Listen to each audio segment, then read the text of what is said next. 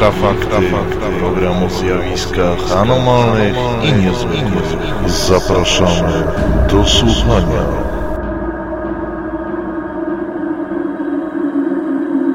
Witam Państwa w Infrafaktach, przeglądzie wydarzeń anomalnych i niezwykłych. Po raz pierwszy e, witamy się w nowym roku 2012, dzisiaj jest 15 stycznia. Mówi Michał Kuśnierz, razem ze mną program współprowadzi Piotr Cielebiaś. Witaj Piotrze.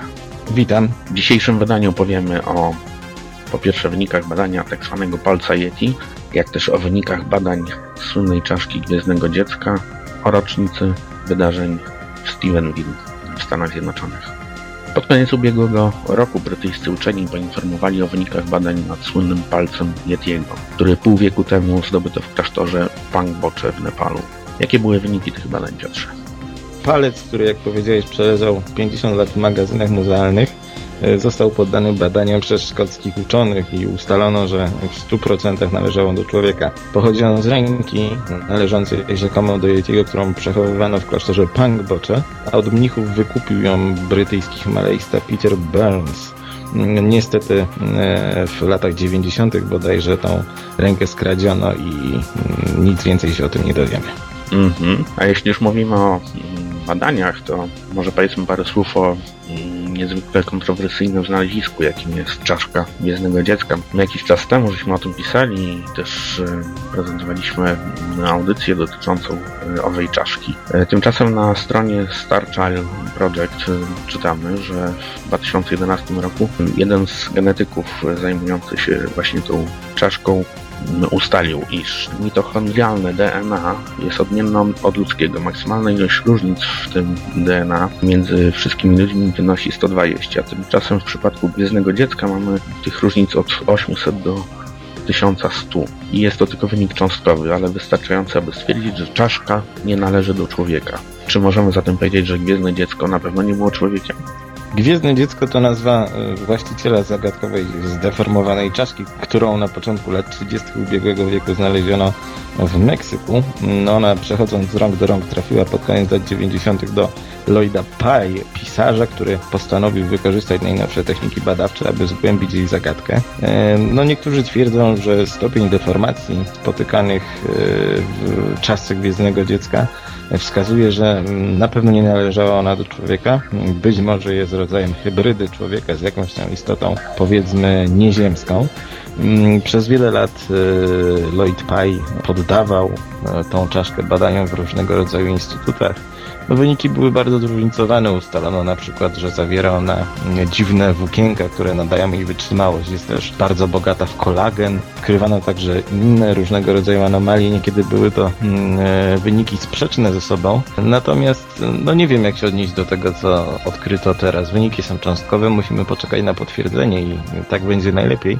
E, Przypomnijmy, że mm, w ubiegłym roku wydawnictwo Cień Kształtu opublikowało książkę pod tytułem Najbardziej zagadkowa czaszka, gdzie prezentuje e, starania i zabiegi Lloyda Pye o wyjaśnienie tego, kim naprawdę był jej właściciel.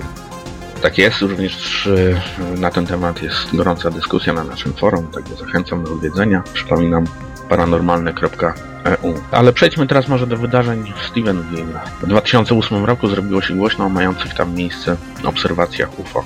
Świadkami pojawienia się tych obiektów było wiele osób. Mówiło się o tym, że być może były to jakieś, jakiegoś rodzaju wojskowe ćwiczenia. Sprawa nadal pozostaje niewyjaśniona. Co możemy o niej powiedzieć? Na początku stycznia 2008 roku amerykańskie media e, doniosły o wydarzeniach, które miały miejsce w miasteczku Stevenville w Teksasie.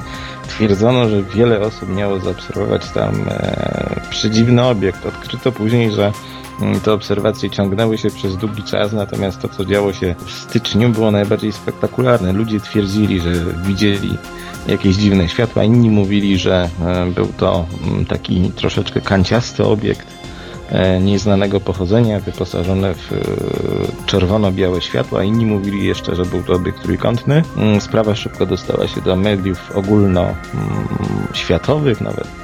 E, I wkrótce na miejsce wyruszyła ekipa teksańskiego MUFON-u. No i niestety nie udało się nic ustalić. Niektórzy ludzie twierdzili, że w czasie obserwacji UFO widziano tam wojskowe samoloty. Wojsko zaprzeczyło, no, następnie potwierdziło, że rzeczywiście były tam jakieś samoloty, ale o UFO nic nie wie. Wniosek, który z tego wypływał, był y, dla niektórych rozczarowujący. Twierdzono, że większość osób nie widziała tak naprawdę UFO, tylko mm, albo ów samolot, albo e, jakieś zjawiska astronomiczne. Natomiast było wielu świadków, którzy mówili, że, rzeczywiście był tam jakiś dziwny, no nietypowy obiekt, ale nie wiadomo co to było.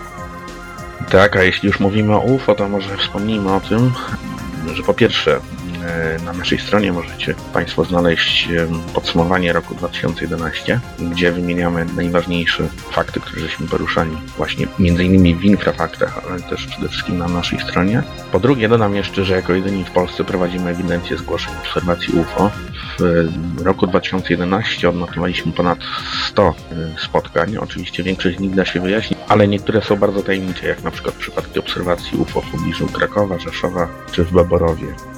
Także zachęcam do zapoznania się e, właśnie z tą tabelą, którą tworzymy też wspólnie z e, osobami, z którymi współpracujemy, m.in. Arkadiusz Miazga, czy też e, Warmińsko-Mazurska Grupa Ufologiczna.